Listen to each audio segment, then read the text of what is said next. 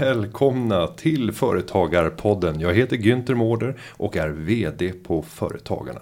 Idag ska vi tala om hur man utvecklar sitt ledarskap och gör effektivare affärer. Och då är jag inte speciellt lämplig att vara den som ensamt leder det här utan jag behöver en expert vid min sida. Och då ska ni få höra mina vänner. Jag har bjudit in en ledarskapskonsult som även jobbar som medlare, terapeut, coach, författare, UGL-handledare och är en av Sveriges mest efterfrågade föreläsare. Hon var sommarpratare 2009. Hon är huvudtalare på Företagarna Business Forum i Gävle den 12 november och i Göteborg den 19 november. Hon har föreläst för många av Sveriges större företag i ämnen som ledarskap, arbetsglädje, kommunikation och personlig utveckling. Hon är dessutom föreläst mycket i, i USA, Belgien, Finland och Spanien. Hon har vid flera tillfällen blivit nominerade till årets talare också. Det bara fortsätter. Jag säger varmt välkommen till Elisabeth Kylenstierna. Tack så mycket. Och jag hade kunnat fortsätta för det, det finns ytterligare eh, beskrivning här. Mm. Eh, hur känns det när du blir presenterad på det där sättet? Lite överväldigande. Ja, va, mm. vad är det du känner dig mest som? För du är ju rätt mångfacetterad. Eh, vem är du i ett yrkesmässigt jag? Hur skulle du beskriva dig? Just nu så jobbar jag ju mest med chefer. Så, så på något sätt så är det ju liksom i, i rollen som ledarskapskonsult, handledare, eftersom jag handleder en del ledningsgrupper och även andra team, eh, så är det ju mest det jag gör. För mig är ju föreläsare inget jobb, mm. utan det är ju en, en spin-off av att man kan någonting som man är ute och berättar om. Ehm, så det ser jag liksom inte som ett yrke, även om det också såklart upptar tid. Fast är inte det lite förnedrande tänker jag mot de som enbart försörjer sig som just föreläsare? Är inte det ett jobb? Ja, det är du som ställer den frågan. Ja. Så att det är du som i så fall drar den vinkeln. Ja, jag, nu fick jag passningen tillbaka. Här. Ja, det är klart. Nej, men jag tänker så här. Eh, många professionella föreläsare och jag får ju ofta se eh, personer återkomma många gånger. För att när företagarna gör arrangemang så är det ofta så att vi sprider dem över stora delar av Sverige. Så ibland får jag höra samma föreläsare kanske tio gånger. Och då förstår man verkligen vilket hantverk som ligger bakom en enskild föreläsning. Och hur det verkligen är en färdig fulländad produkt. Eh, och där man skulle säkert kunna. Och, och det är kanske inte så aktningsvärt. Men man skulle om man var en duktig skådespelare. Och väldigt framgångsrik på framförande teknik. Ta det innehållet, göra det till sitt eget och sen sälja den här produkten. Håller du med mig om att det här skulle kunna fungera? Mm, jag ser inte det som en färdig produkt. Alltså, mm. det är precis det som är grejen. När jag är ute och föreläser så är det inte en färdig produkt. Utan det blir ju en ny produkt varenda gång. Mm. Eftersom det är nya människor som sitter framför mig. Det är nya sammanhang. Det finns alltid någon slags vinkel på vad just de vill ha, vad just de behöver. Eh, det är omständigheter kanske hos den här gruppen. Låt säga att de precis har gjort några förändringar eller det har hänt saker. Så även om ämnet eller rubriken kan vara densamma så är det liksom innehållet olika varje gång.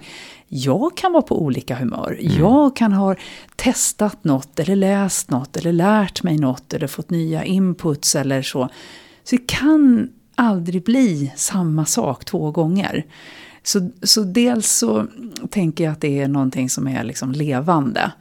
Och eh, sen är det klart att till viss del så kan det ingå ett slags skådespel. Men det är ju bara för att eh, tydliggöra vad jag menar kanske i, i, i något sammanhang. Att det blir roligare om man kan eh, förstå det och identifiera sig med det. Eh, och sen tycker jag att ju seriösare ämne desto mer måste man kunna fula sig på scenen. Vad menar du med det då? Ja, men det kan vara allt ifrån att använda olika röstlägen till att imitera typ eh, eh, situationer eller sådär. Det, det behöver inte vara... Ja, jag, jag, tycker i alla fall att jag har blivit bättre i att få fram vad jag vill säga efter att jag har blivit mindre upptagen av hur jag ska framstå. Mm. liksom, det var viktigt från början, men nu är det inte det. Eh, men om vi eh, går till ditt huvudsakliga jag, att coacha och, utveckla ledningsgrupper.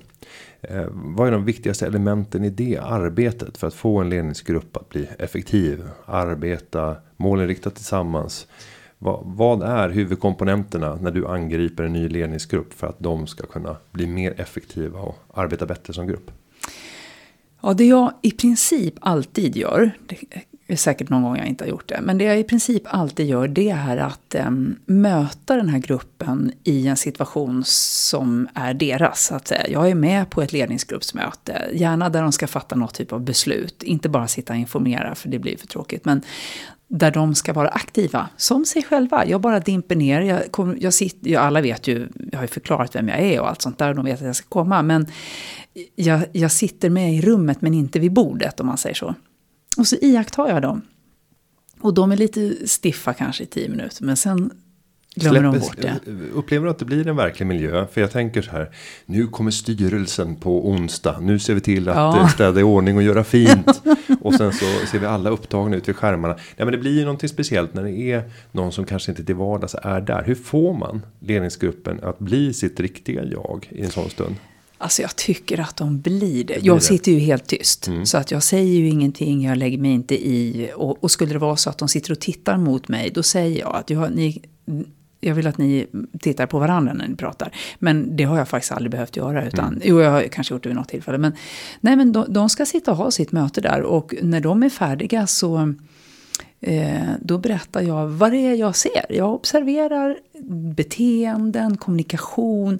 Alltså allt ifrån vem pratar med vem? Vem tittar de på när de pratar? Hur, van, hur, hur låter de? Vad är det för jargong? Det här med kultur som vi pratar om så ofta. Vad är det för kultur på arbetsplatsen? Ja, det märks ju där.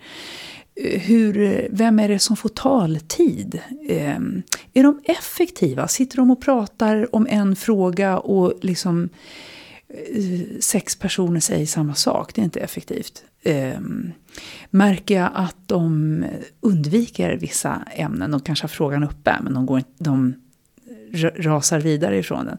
Alla sådana här saker eh, iakttar jag och sen berättar jag om det. Och jag är väldigt filterlös. Eh, så att jag, och det säger jag också, att jag kommer att vara superuppriktig. Så jag kommer att säga rakt av utan värderingar bara vad jag har sett. Och vad jag ser som är begränsande för er och vad jag ser som är framgångsrikt för er. För att ni ska kunna jobba bra tillsammans som grupp.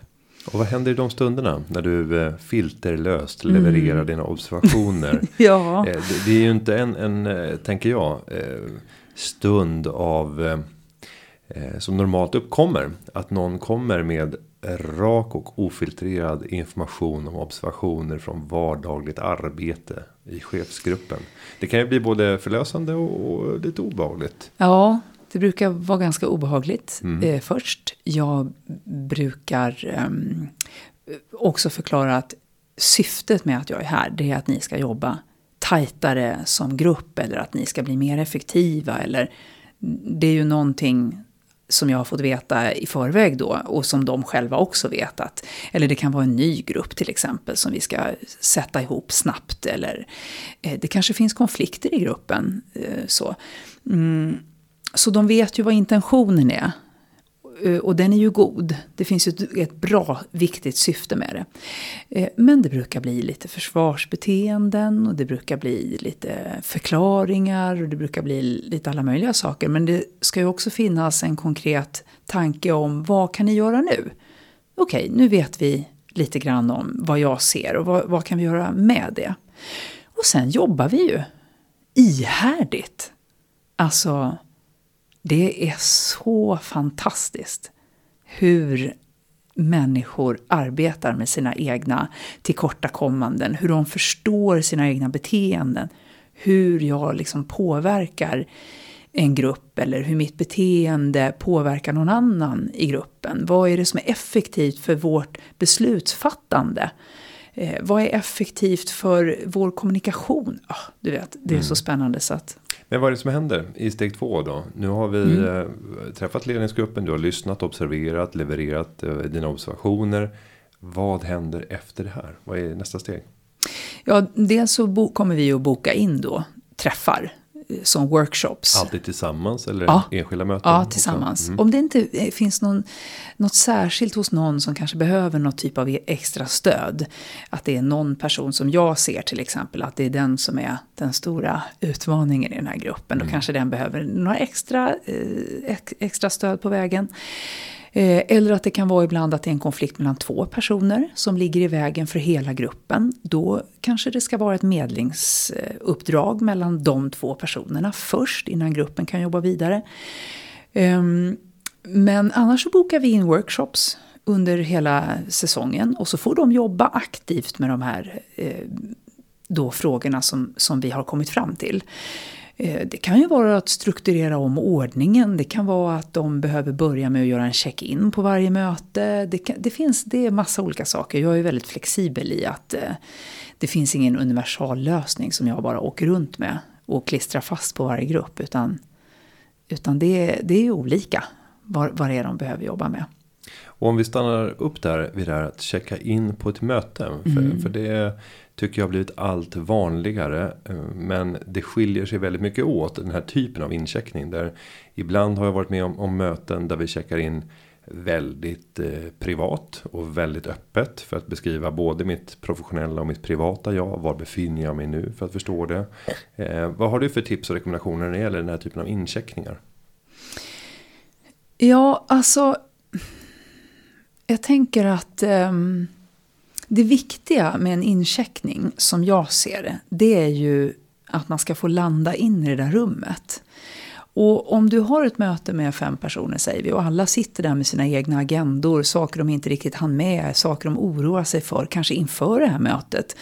Eh, man, man har inte släppt det man kom ifrån, man kanske ska vidare till något annat. Alltså ingen är egentligen här och nu. Ingen är fokuserad på det vi ska göra. Ingen har kanske heller förstått syftet med det här mötet. Vad är det vi ska göra här idag? Ska vi bara avrapportera eller ska vi bestämma någonting ihop? Eller vad är grejen? Hur länge har vi på oss? Du vet, det är massa sådana frågor. Så det handlar ju egentligen om att bli mera närvarande här och nu. Och för att kunna bli det så kanske jag behöver dela med mig av någonting. Jag kanske behöver kolla av någonting med dig.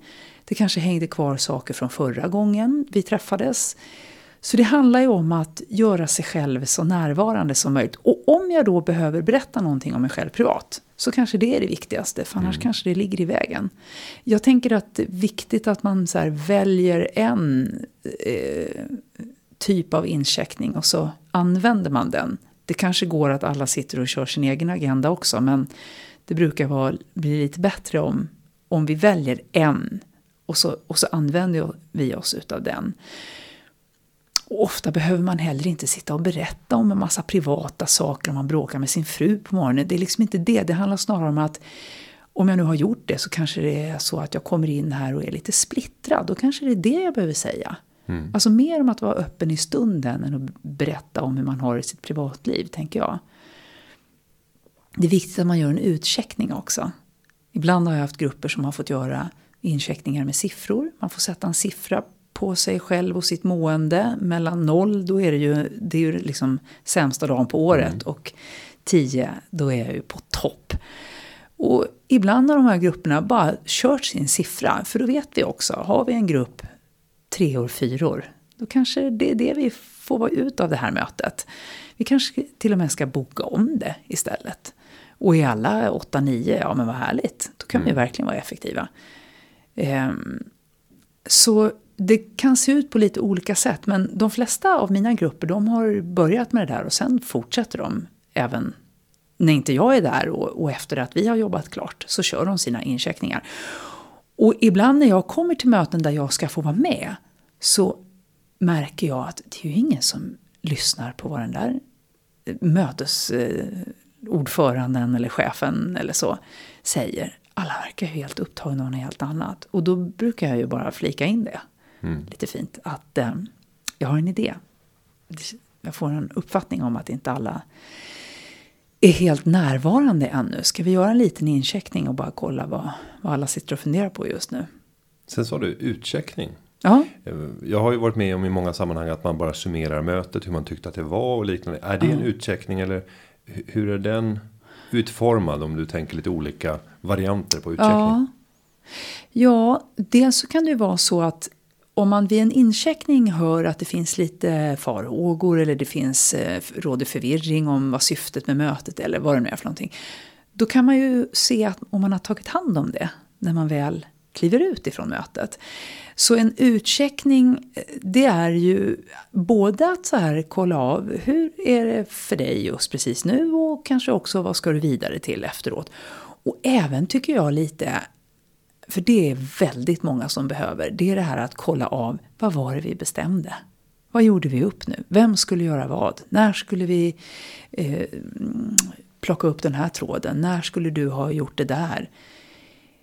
Det är så ofta saker och ting hamnar mellan stolarna. För vi har glöm, vad, vad bestämde vi nu då? Jag vet inte, det var ju i början av mötet. Nu kommer inte jag ihåg längre. Men så skulle jag göra något? Nej, det vet inte jag. Äh, de får väl höra av sig då, det löser sig. Det är väldigt slarvigt ofta på möten. Så jag tycker att det är en fin sak att, att göra en liten utcheckning. Och om vi tittar på en annan sak som är väldigt viktig för eh, grupper. Så är det ju också att hitta gemensamma saker som binder en samman. Och inte sällan så är ju skvaller en sån där sak. Om man pratar om chefer så är man ju i en väldigt speciell situation. Där man väldigt sällan får höra skvaller. Men sen har man en grupp som man kan ty sig till. Och det är ju sin egen ledningsgrupp. Eh, Och där kan jag sitta och fundera ibland utifrån ett perspektiv av vd. Är det här någonting som jag ska uppmuntra under begränsade former för att det är en viktig del i en grupps samhörighetskänsla eller är det någonting som man ska bryskt och resolut blåsa av och säga att eh, det finns ingen anledning att skvallra utan har du någonting att säga så gå och säg det till dem direkt om du har synpunkter. Den där balansgången, hur ser du på skvaller som sammansvetsare i en grupp? Ja, vi kommer tillbaka till intentionen. Vad, vad vill jag med att skvallra om den här medarbetaren? Vad är liksom syftet med det? Är det att jag har något gottigt att berätta? Det vill säga jag blir intressant. För att jag har grejer här att slänga in. Eh, handlar det om att jag på riktigt behöver få höra era åsikter kring någonting som jag är osäker på hur jag ska hantera det? Absolut fine, tycker jag. Det kan man behöva. Det är en väldigt ensam roll många gånger att vara ledare. Man kan behöva få bolla. Jag tycker det finns så många eh, chefsnätverk, men hur många nätverkar egentligen? Mer än när man liksom står och äter snittar och lyssnar på en kur- föreläsning. Jag tycker att man verkligen ska använda sitt nätverk och sin ledningsgrupp. Ehm, så vad är liksom intentionen med att vi pratar om den här medarbetaren? Det, det kan ju inte vara förbjudet att, att prata om de situationer som dyker upp och som jag behöver få vädra. Men om det bara är skvaller, i, det, i den bemärkelse, de kläder som jag tänker att skvaller har på sig, så är det ju inte så eh, respektfullt och empatiskt egentligen, tänker jag. Du, vi behöver nog hitta andra saker som, som knyter oss samman. För det kan ju också vara så att så länge vi pratar om andra människor så pratar vi inte om oss själva. Och det brukar vara viktigare. Och prata om sig själva. Och om man tänker på andra dimensioner. För det är ju ofta i ett sånt här kanske incheckningssammanhang. Eh, som det ofta börjar när det är den ena efter den andra glider in på ett möte. Och sen så är det småpratet som dominerar. Och småpratet är ju av mindre formell art. Eh, och känner man sig trygg i en grupp så kan man vara ganska öppen. Och då kan gränsen mot det skvallriga vara ganska luddig i vissa lägen. Eh, men när det gäller andra samtal att ta för att landa i den här sinnesstämningen som behövs för att ha ett effektivt möte. Om du ska få ge så här, drömråden på ett generellt plan när man kommer in en efter en. Det är alltid en som kommer först. Vad är det som den personen ska tänka på när person två kommer in? Och sen när man bygger på den tredje som plötsligt kommer vara lite utanför när de redan har kommit igång och pratat om de gör det. Eh, men för att få den här balansen. Vad, vad har du för råd och rekommendationer där? Eller ska man till och med tänka att vi går inte in i rummet. Vi samlas utanför och där är det. Mm. Står man och fikar innan och får prata. Sen när man går in i rummet. Då går vi in i en annan sinnesstämning. Vilken fin bild du målar upp. Jag ser jag där hur ja. en efter en kommer till lägerelden och slår sig ner. Jo. Ehm, mm, jag tänker att har, en del av det har börjat redan innan och det är frågan om vi ska, vilken tid vi ska börja. Ska mm. vi börja den tid som vi har sagt att mötet ska starta? Klockan åtta till exempel, eller nio, eller klockan två eller vad det nu är. Eller droppar man in lite när man känner för det? Alltså det där, ja, det där är väldigt intressant att se hur det är med tider. För det ger ju ramar för vårt möte.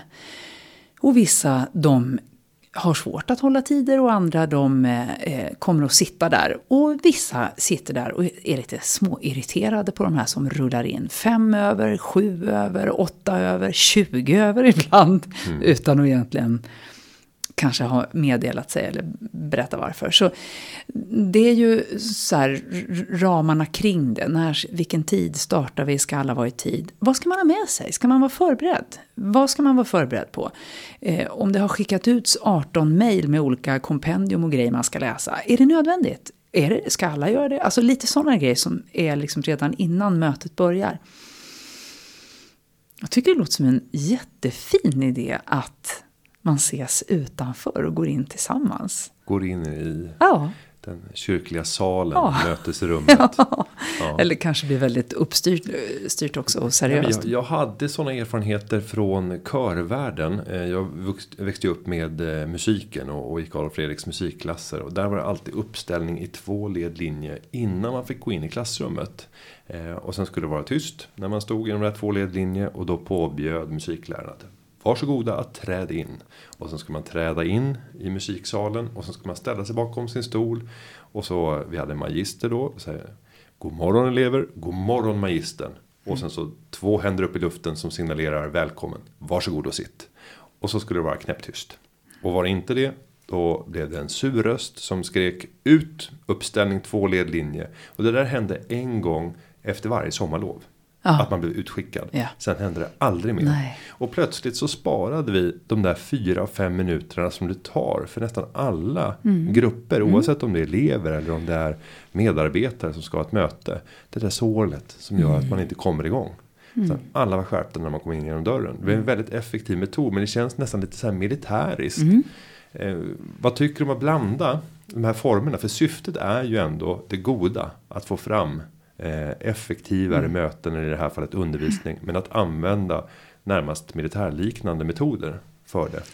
Alltså jag tycker lite om det nu när mm. du berättar om det. Och jag tänker också att, eh, att det, mil det militära där, det är ju väldigt effektivt. Jag menar, då är vi ju i tid och alla mm. har med sig det de ska. Det är ingen fråga. Utan det är ordning och reda. Och jag tycker, jag tycker om det.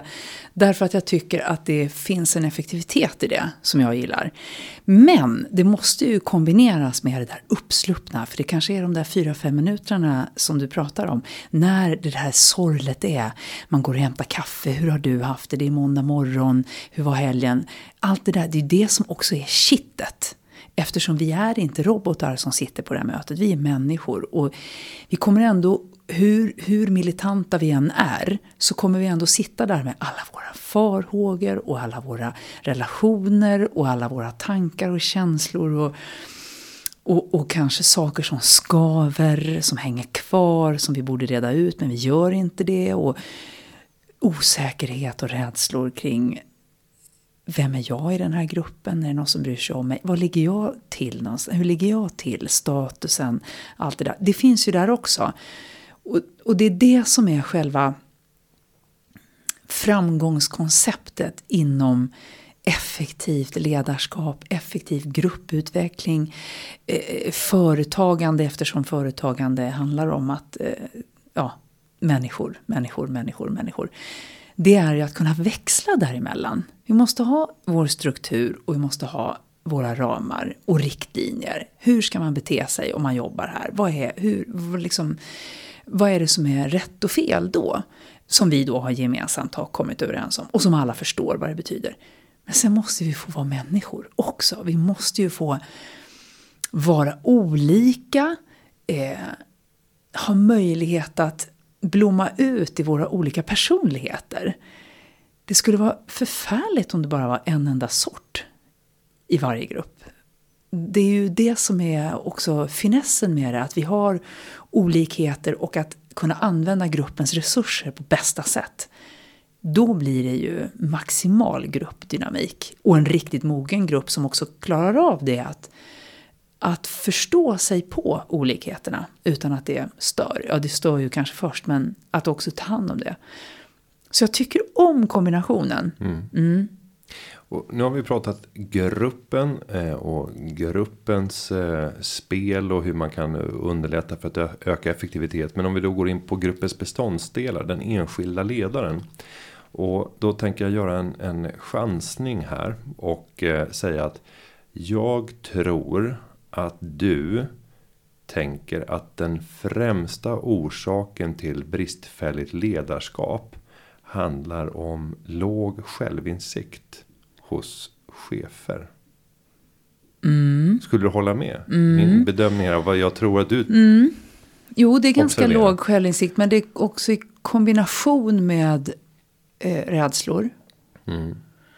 I kombination med att faktiskt inte ha kunskap om grupputveckling och ledarskap. Mm. Alltså, om man har varit den bästa säljaren så betyder inte det att man blir den bästa säljchefen.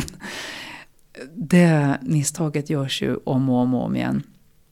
Men, men om vi då tittar på självinsikt, rädsla och kunskaper. Mm. Vad kan man göra som enskild ledare för att eh, ta ledarskapet över sig själv och faktiskt Mm. börja analysera Mm. vad är de områden som jag behöver utvecklas inom. Har du några tips som vår lyssnare skulle kunna tillgripa utan att ta någon hjälp inledningsvis för att bara Mm. kartlägga för att se vad har jag för behov. Absolut, allt det här kan göras till viss del i alla fall själv och det kostar dessutom inte en krona. Lite tid kanske. Ja, och den tiden skulle jag, om det var jag, skulle jag ägna den åt det du nämnde sist först. Nämligen att, att skaffa lite kunskap om eh, grupputveckling och ledarskap. Alltså vad har en grupp för behov av ledarskap? Beroende på vad det är de ska göra, beroende på vilken nivå de är på. Är det, det vill säga, är det här en helt ny grupp som börjar jobba nu tillsammans eller har de jobbat ihop en tid? Eh, varför behöver man ledarskap? Vad går det ut på? Det är ju inte bara en titel, det är ju en funktion. Varför ska man, behöver man ledarskap? Vad händer när man får rätt ledarskap till rätt grupp i rätt situation och tid och så vidare. Så, och det kan man ju googla, man kan läsa på överallt. Man kan, i och för sig, man kan gå och låna böcker på biblioteket om man vill göra det liksom både klimatsmart och billigt. Um, Eh, det finns jättemycket TED-talks man kan titta på. Jag kan tänka mig att på Företagarna finns det massor med eh, information som man kan ta till sig ifrån kanske era tidigare poddavsnitt och eh, både i Gävle och Göteborg nu i, i november, i mitten av november så kommer vi ju definitivt jobba med, med ledarskapet. Så att skaffa sig kunskap. Och sen kommer vi till det här med självinsikten. Och den kan vi kombinera med modet, för det krävs lite mod för att då exempelvis börja reflektera själv. Det vill säga, hur beter jag mig? Och varför gör jag det? Och inte så här mitt ideal-jag, utan på riktigt. Vad är det jag undviker? Vad är jag bra på? Vad har jag lätt för och vad har jag svårt för?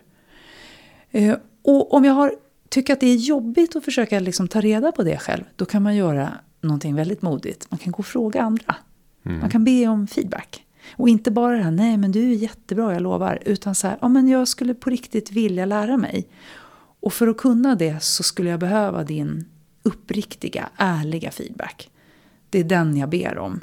Jag undrar om du har något där till mig som jag skulle kunna använda mig av. Och hur ställer man den frågan för att få de svar eh, som man kanske inte nödvändigtvis vill ha men som man borde få.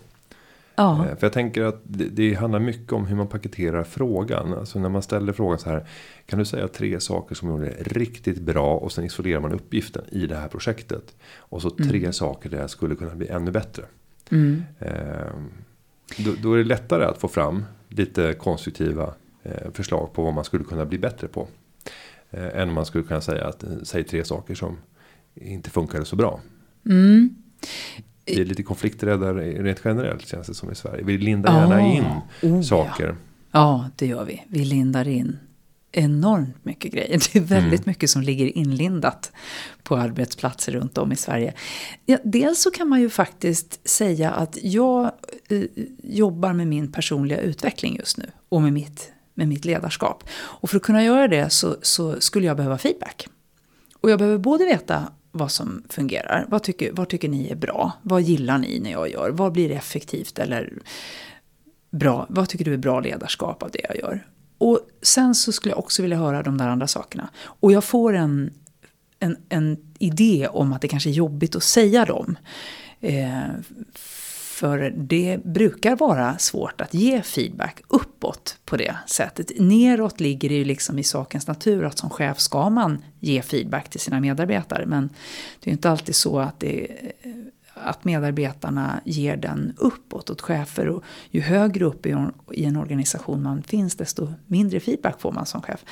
Men att jag då skulle uttrycka att jag behöver verkligen få höra det där som du har sett. Sen ska man veta en sak att det kommer komma människor som säger nej men det är, det är inget särskilt. Jag tycker, jag, jag vet inte, jag har inget särskilt. För folk är väldigt upptagna av sig själva. De har inte alltid gått och tittat på alla på arbetsplatsen, hur de beter sig. De har liksom inte alltid någon uppfattning om det. För jag är mest upptagen av mig själv. Mm. Och då kan det ju vara så. Men om, om jag får be så kanske man skulle kunna fråga, kan inte du kolla lite under två veckor? Skulle du vilja vara lite, ha lite fokus på hur jag beter mig? Eh, och så kan vi ta ett nytt möte om två veckor, så kan väl du berätta för mig om det var någonting som du tyckte inte funkade eller skulle kunna funka bättre. Det behöver inte vara katastrof, men sådär. Och återigen blir det ju intentionen, syftet bakom det. Eh, där jag kanske behöver verkligen ha det tillitsfulla samtalet där jag understryker att det här är för min egen utveckling. Jag vill verkligen få syn på de här sakerna. Det kommer inte komma några repressalier efteråt. Men för är man så uppriktig och, och rak kring varför man vill ha det. Då tänker jag också att sannolikheten ökar drastiskt att någon kommer att vilja ställa upp. Ja. Ska man tänka tillbaka kaka? Är det en, en bra strategi? Vill du att jag gör det här för dig också? Så att vi båda hjälper varandra. Eller blir det Ja, jag tänker fel? att man kan ta det här första först. Mm. Eh, när, allt, när det är avklarat, när jag har fått den där feedbacken då, då från den här medarbetaren, då kan jag ju fråga. Vill du att jag gör samma på dig? För att annars så kan det ju vara som att egentligen vill jag bara ge dig den här kängan. Men jag gör hela lindar den här... ja. Gör, det, är en, det är en jätteinlindning på flera veckor. Ja. Men ehm, jag skulle ju önska att människor mer berättade hur de trivs ihop och vad det är de inte trivs ihop med. För att eh, det är ju sånt som ändå finns där och ligger i vägen. Det betyder ju inte att alla de här sakerna ska vi ändra på. Utan ofta så handlar det om att få en ökad förståelse för varandra. Så när jag har berättat för dig att när du gör på det och det sättet, så, eller egentligen så ska jag börja med min egen känsla. Jag känner mig på det här viset när du gör sig och så. Eh, så, så kanske du kan berätta hur det kommer sig och då får jag, kan jag få en ökad förståelse för dig. Och då kanske jag säger, jaha, nu är det inte aktuellt längre, för nu fattar jag. Men det är ju överhuvudtaget att öka kommunikationen, att prata mer med varandra. Det mesta är ju större på insidan när det får ligga kvar där inne än vad det är på utsidan. Och om vi går till det här med rädsla och mod. Mm. Som du sa var viktiga Mm. faktorer också. Eh, På vilket sätt yttrar sig de här rädslorna? Ja, jag var förra veckan och föreläste om hållbart ledarskap. Och när jag åkte dit så tänkte jag så här, hållbart ledarskap. Vad är det för, vad är det för något annat slags ledarskap än allt annat ledarskap? Man får leka med motsatsen då. Ohållbart ledarskap. Ohållbart ledarskap. Det skulle man kunna definiera. Ja, det skulle man kunna göra. Men när jag, när jag, när jag satt och tänkte och åkte dit så tänkte jag så här. Det hållbara ledarskapet det är egentligen att, att allt annat vi har lärt oss om ledarskap verkligen används. Det är då det blir hållbart. Alltså folk kan, kan ju gå på hur mycket föreläsningar och läsa böcker och gå på kurser och allting. Men när det bara är någonting som jag en information jag får till mig men jag använder den inte sen, då är ju det inte så hållbart. Men det hållbara ledarskapet är för mig det där modet. Det är mod, att våga göra de här sakerna. Och då kanske någon gång berätta om en farhåga jag har. Berätta om en osäkerhet. Eh, berätta om en svag punkt. Berätta om eh, någonting som oroar mig utan att jag för den skull tappar ledarskapet. Utan att jag för den skull gör mina medarbetare otrygga. Alltså jag tar fortfarande ansvar även om jag sitter här och är människa och känner mig lite osäker just nu. Um, så vad kan det vara för rädslor? Ja, jag kom till en grupp som jag träffade för första gången och jag eh, hade fått veta att de hade jobbat med en massa andra konsulter innan. Så nu var det så här. Mm. Nästa konsult till, mm till rakning, jag säga. Och eh, när jag hade suttit där och hört dem prata en stund. Det här var inte ett möte som jag observerade utan jag var med i samtalet. Så tänkte jag så här. Oj, vad många rädda människor det sitter i det här rummet.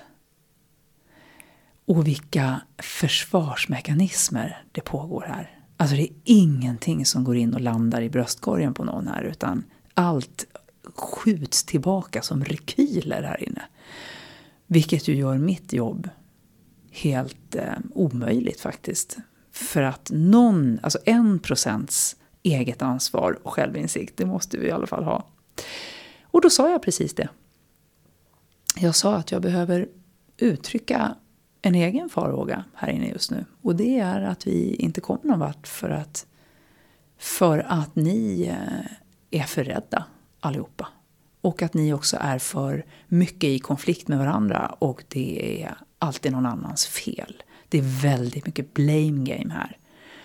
Vi behöver att alla här inne åtminstone tar en procents ansvar. Och kan man göra en sån övning och då säga att om ni tänker att vi har alla ett ansvar gemensamt. Men om du bara tittar på din egen roll. Mm. Nu vill jag att du berättar på vilket sätt. För resultaten som vi ser här är inte mm. speciellt tillfredsställande. Mm. Vare sig i medarbetarenkäten. Eller i de resultat som spottas ut. Oavsett om vi mäter i ekonomiska termer. Eller om vi mm. mäter i, i produktionstermer eller liknande. Berätta. Vad är ditt ansvar? Som bara mm. du skulle kunna ha gjort annorlunda under den här perioden. Lite självrannsakan. Du, ja, i, I det här fallet och i ganska många andra situationer också så måste man till och med börja steget ovanför det. Det vill säga, vi kan inte ens börja prata om ansvaret än. Utan det är så här, hur ska vi göra för att kunna prata om ansvaret här inne? Mm. Mm. Hur ska vi ha det här samtalet i den här gruppen? Där vi vet vad intentionen och syftet är. Det är inte att hänga ut folk. Det är inte någon sån här syndabocksletande. Det är inte det, utan vi vet ju vart den här gruppen vill komma. Och den, det målet är gemensamt för alla. Men för att komma dit så behöver vi liksom plocka bort lite skygglappar. Du vet, in i lite, blotta lite strupar, våga eh, vara lite mer uppriktiga och titta lite mer på det egna ansvaret. Som ju också är det egna bidraget. Hur, hur kan vi komma dit? Hur kan vi komma bara till, den, till det samtalet? Eh, och, och, eh, och så sa jag ju också just vid det här tillfället att jag tycker det är ganska läskigt att säga det här. Det är ganska läskigt att sitta här inne och säga det, det till er nu. För jag kommer ju in här och ska vara den som ska hjälpa till. Och nu säger jag att jag vet inte hur jag ska kunna hjälpa er. För att det är så mycket motstånd här inne i rummet. Och om du beskriver den situationen, vad, vad hände framåt? Lyckades du ta det vidare och, och fick ett önskat resultat i slutändan? Ja, det blev väldigt tyst först. Och det är en utmaning för mig. Mm. Att inte prata sönder den tystnaden. För nu tänker de. Mm. och eh, eh, efter en stund så var det en person som sa att eh, ja, jag vet faktiskt en grej som jag har fått syn på nu. Som jag gör. Och som jag eh, vill berätta om. Ja, vad spännande, för höra. Ja, och så berättade han att jag har märkt att när det där och det där händer, då blir jag sur. Och då sitter jag och, och, och är tyst. Jaha, är det det du gör? var det någon annan som sa. Jag har alltid blivit så konfunderad när du tystnar och, och ser ut på det där viset. Ja, så kunde vi börja där. Okej, så vad, vad, ligger, vad finns det bakom det då? Och så är det lite grann som att reda ut ett, ett, ett, ett trassel. Att vi tar en tåt i taget och så tar vi den verkligen ordentligt. En, en sak i taget och kikar på det. Ehm, så det krävs ett tålamod, men det fina i ordet tålamod är att man både behöver vara tålig, det vill säga här kan det komma upp lite vad som helst och det behöver vi kunna ta hand om. Och modig. Vi måste också våga eh, ge oss ut i det här för att vinsten är ju helt suverän. Alltså närheten i deras relationer, hur de kommunicerar med varandra, hur de lever efter de värderingar som de själva liksom har valt. Eh, hur mycket effektivare det blir, hur mycket rakare puckar det är. Eh, det, det är liksom värt den, den där eh, ja, kurvan som man måste svänga runt i först. Så att våga ta tjuren vid hornen om vi ska ja. använda de metaforer. Ja. Och om vi eh, nu känner oss nyfikna på att få höra mer eh, från dig så tänker jag nu på Företagarna Business Forum i eh, Gävle och Göteborg. I Gävle kommer vi vara den 12 november och i Göteborg den 19 november. Vad är det du tänker bjuda företagare på vid de två tillfällena? Ja, men det är ju det här med kommunikationen. Hur otroligt viktig den är. Eh, ledarskapet, hur otroligt viktigt det är. Eh, så eh, jag tänker att det egentligen handlar om de här sakerna som vi har nämnt. Det här med att skaffa mera kunskap om grupputveckling och ledarskap. Att också komma till egen insikt. För att jag brukar slänga ut lite frågor som de får fundera på. och, och, så krävs det ju också mod för att våga se de här sakerna på riktigt. Så man kan säga att det är rätt mycket av det Mm, jag tycker om att blanda sammanfattningar, alltså eh, sammanhang ska jag säga. Eh, alltså att, att få ett sammanhang kring en fråga. Jag menar som feedback, varför behövs det? Och sätta det i ett sammanhang till exempel. Eh, så att vi förstår en bakgrund till det, att vi förstår vinningen med det. Och sen att det ska bli konkret också. Så man ska både förstå på ett djupare plan, men så måste det vara konkret så att alla som är i Gävle och alla som är i Göteborg de här dagarna, de ska kunna gå därifrån med åtminstone en sak som de kan göra direkt efteråt. Omedelbart kan de ringa eller mejla eller gå på något möte och fortsätta med någonting av det som jag har pratat om. För så, jag vill att det ska förenklas många saker. Det, det, det är egentligen inte så komplicerat de här sakerna. Jag vet när jag har varit ute och föreläser och håller utbildningar i konflikthantering. Och en av de bästa saker jag har hört efter en sån eh, utbildning, det var när det var en person, en chef som hade varit där som sa, när han gick därifrån, alltså konflikter är typ det värsta jag vet. Alltså jag är så konflikträdd och jag avskyr konflikter. Men jag har ju en massa medarbetare och de hamnar ju i konflikt med mig och varandra hela tiden. Jag fattar ju att jag måste någon gång ta itu med det. Men efter den här dagen så känns det så här, nej men det är nog inte så svårt ändå jag ska nog gå och göra någonting utav det här. Nu ska jag ta den där äh, surdegens, surdegskonflikten som jag inte har velat ha tagit tur med. Precis så vill jag att det ska vara. Ja, många gånger så är det väl så att man, man vet egentligen vad man borde ja. göra. Men när någon annan säger samma sak och visar hur man kan göra det. Ja. Så blir man snabbt övertygad om att ja. nu skriver vi till verket. Ja, och det är ju också så att vi har så mycket egna förmågor. Eh, sen kan vi ibland behöva höra Eh, från någon annan exempel eller kanske hur man kan styra upp en, eh, ett feedbacksamtal eller eh, för att förstå vilket ledarskap som behövs i en särskild situation. Men vi har så mycket egna förmågor. Vi har ju massor som vi kan ta av själva. Jag tycker det är så roligt. Ibland så kommer folk säga oh, jag, jag, jag skulle behöva ha ett samtal med den här personen. Jag vet inte hur jag ska säga. Nej, vad handlar det om då? ja, ja, det är det här och det här och jag skulle vilja att det var si och så, bla bla bla bla bla. Och så säger jag, du har ju liksom redan sagt allting mm. nu.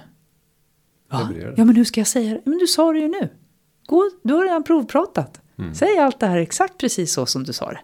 Va? Kan man, kan man bara säga så? Ja, kan man göra. Och ibland i de lägena så tänker jag kanske att att bara få lyfta det med en annan företagare. Oh. Och, och, få höra, ja men det är klart du ska ta emot till det här behövs ju sägas. Annars ja. kommer inte komma vidare. Att Nej. bara få bekräftelsen på att jag är inne på rätt spår. För återigen, ledarskapet är ju ibland ganska ensamt. Eller mm. ganska ofta mm. ensamt. Mm. Så omge dig av personer som du inte är beroende av.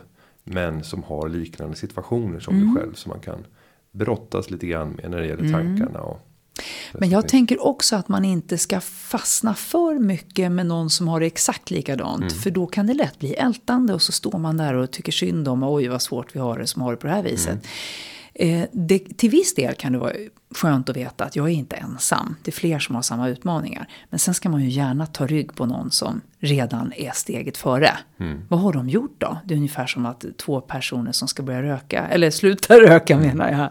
De kanske behöver ta rygg på någon som faktiskt har slutat. Så att eh, jag, jag, tycker att man ska hitta sina förebilder. Och, och, ta rygg på dem. Sen ska man ju såklart ha sin egen agenda och sina egna mål och hur man nu vill vara och allt det där. Men, men eh, det brukar vara bra att, att gå, gå efter någon som redan är lite längre fram. Vad har mm. de gjort? Hur har de tänkt? Vad var det första de gjorde när de klev ut ifrån vad de nu tyckte var svårt eller utmanande eller otäckt? Om man eh, inte har möjlighet att komma till Göteborg eller Gävle och man har lyssnat på det här avsnittet fyra gånger och kan allt vi säger. Eh, men vill fortsätta höra din röst men prata om någonting helt annat. Eh, inte helt annat. Men då har vi tips. På Storytel ja. så finns det nu en inläst bok. Som företagen har tagit fram och som du har läst in. Vad är det vi får lära oss där?